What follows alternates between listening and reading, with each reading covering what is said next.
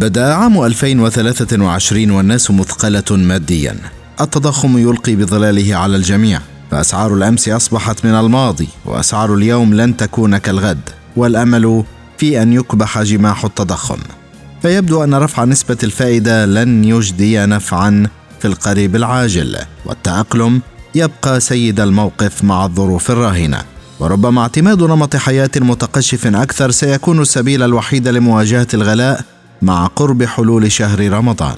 حلقة جديدة من المحفظة تأتيكم عبر منصة بودكاست كان عربية على Apple Google Spotify أنغامي والعديد من المنصات الأخرى. في إعدادها وتقديمها أحمد الآغا. التضخم الذي تواجهه الولايات المتحدة برفع نسب الفائدة وتحاول تخفيضه بكل إمكانياتها بلغ ذروته حسب تقرير مجلة فوربس الصيف الماضي ل 9.1 بالعشرة بسبب الحرب الروسية الأوكرانية تأثر سلاسل التوريد زيادة الأجور بعد كورونا وتأثيراتها أيضا والانتعاش الذي حصل بعدها بزيادة الطلب على المعروض المتأثر أصلا ورفع نسبة الفائدة زاد الأسعار التي لم تسلم منها أي سلعة. تقرير فوربس يحذر من القادم أيضا. ويؤكد أن ارتفاع معدلات التضخم يؤدي إلى تفاقم عدم المساواة أو الفقر. ويشير بنفس الوقت إلى أنه حتى الأسر التي تمكنت من الإفلات من الفقر في الآونة الأخيرة ربما تجد نفسها تسقط مرة أخرى في براثنه بسبب هذه الارتفاعات في الأسعار. شهر رمضان يأتي والحال ليس كالعام الذي قبله فلا بد من الحذر قبل حلوله بوقت كاف للتوفير قدر الإمكان. فالشهر الفضيل له العديد من الطقوس والعادات التي لا تكون إلا خلاله. فتخيل في وطننا العربي حين تسمو القيم الإنسانية. هل من الممكن أن تختفي عادة تقديم الطعام للجيران قبل الآذان بسبب غلاء المعيشة وارتفاع التضخم بنسب غير متوقعة؟ في لبنان مثلا وصل التضخم فيها إلى 143% في مصر التي تزدان شوارعها وبيوتها بالفوانيس. هل نشهد غيابا لها بعد أن وصل التضخم فيها لأكثر من 48% حسب آخر بيانات حكومية؟ لذا يتطلب الأمر شد الأحزمة على كل الأحوال.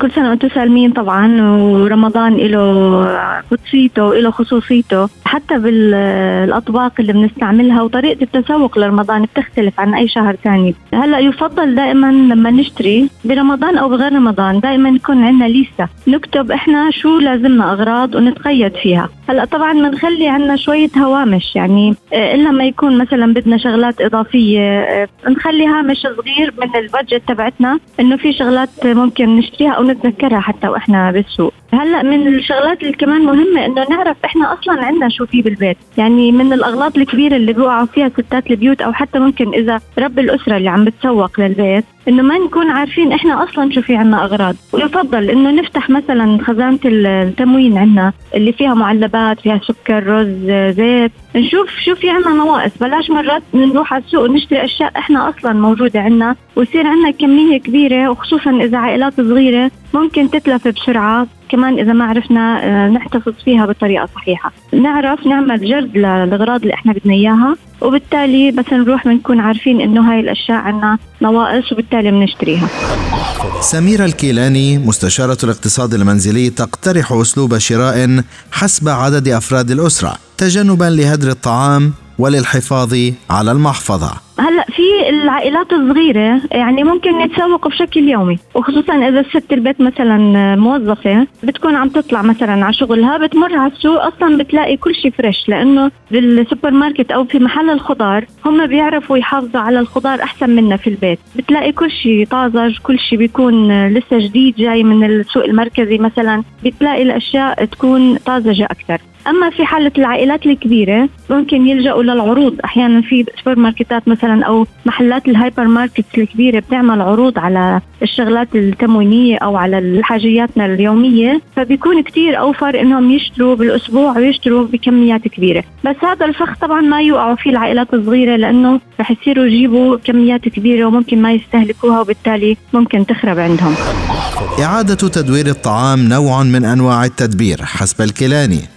فطبق جديد من بقايا طعام لن تسميه بايت. بعدها. فترة كورونا علمتنا إنه ما نشتري أغراض كثير زيادة عن حاجتنا، نشتري بس حاجياتنا لأنه ممكن كثير تخرب، علمتنا كمان إعادة التدوير، يعني ممكن رز بايت عندي من امبارح أنا مش قادرة أطلع آه، أتسوق أو أشتري أغراضي وأعمل طبخة جديدة اليوم، فعلمتنا إنه نعيد تدوير الأكل اللي بايت عنا ونخلق منه طبخة جديدة، هاي الشغلات طبعا كثير موجودة. يمكن عند جداتنا أو أمياتنا كان عندهم دائما هذا الفن فن التدبير إنها بتعرف تدور الطبخة بتعرف تخلق من ولا إشي إشي. تفتح الثلاجة من شغلات بسيطة كثير عندها بالبيت تقدر تعمل أكل كثير ذكية وجديدة. كورونا علمتنا بصراحة وربتنا هي. إحنا للأسف مجتمعات استهلاكية بجدارة. بنحب دائما نضلنا نشتري وإيش ما طلع إشي جديد لازم نضلنا نجيبه. فلا علمتنا إنه الموجود عندنا لازم نخلق منه إشي ونقدر نتكيف مع الأغراض الموجودة عندنا. للتسوق أصول لتوفر نقودك. وتذكر ألا تتسوق وأنت صائم. فهنا ستأخذ الجمل بما حمل لكن بجيوب خالية.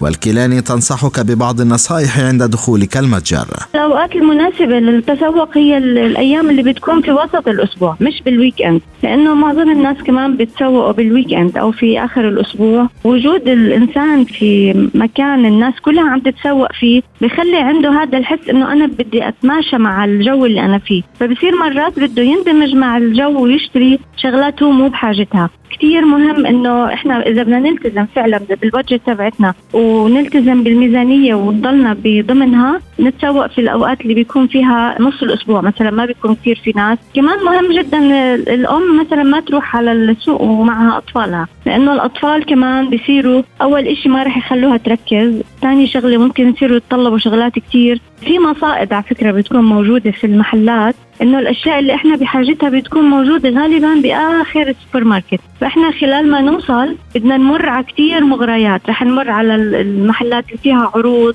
المحلات اللي فيها مثلا شغلات إحنا مو بحاجتها. دائما الأشياء اللي إحنا بحاجتها بتكون مثلا على الرف على فرض المعلبات. بيكون مثلا ثلاث أنواع من الفول على فرض أو أي نوع من المعلبات. دائما الأغلى سعرا بيكون على مستوى النظر. فوق وتحت شركات تانية مثلا أو بتكون أرخص شوي بالسعر. لأنه حتى الأماكن بتكون الشركات دافعة عليها الأماكن اللي بدها تحط فيها بضاعتها فبرضه نكون أذكياء جدا في ان نعرف نختار quality صحيحة وفي سعر أقل. ممكن تكون نفس ال quality ونفس الطعم وكل شيء بس لأنه بتحمل اسم brand معين تكون أغلى. فننتبه كثير لهي الملاحظات.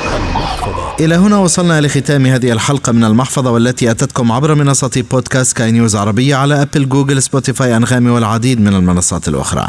تقبلوا تحيات أحمد الآغا من الإعداد والتقديم وغسان أبو مريم من الإخراج الإذاعي. إلى اللقاء. المحفظة.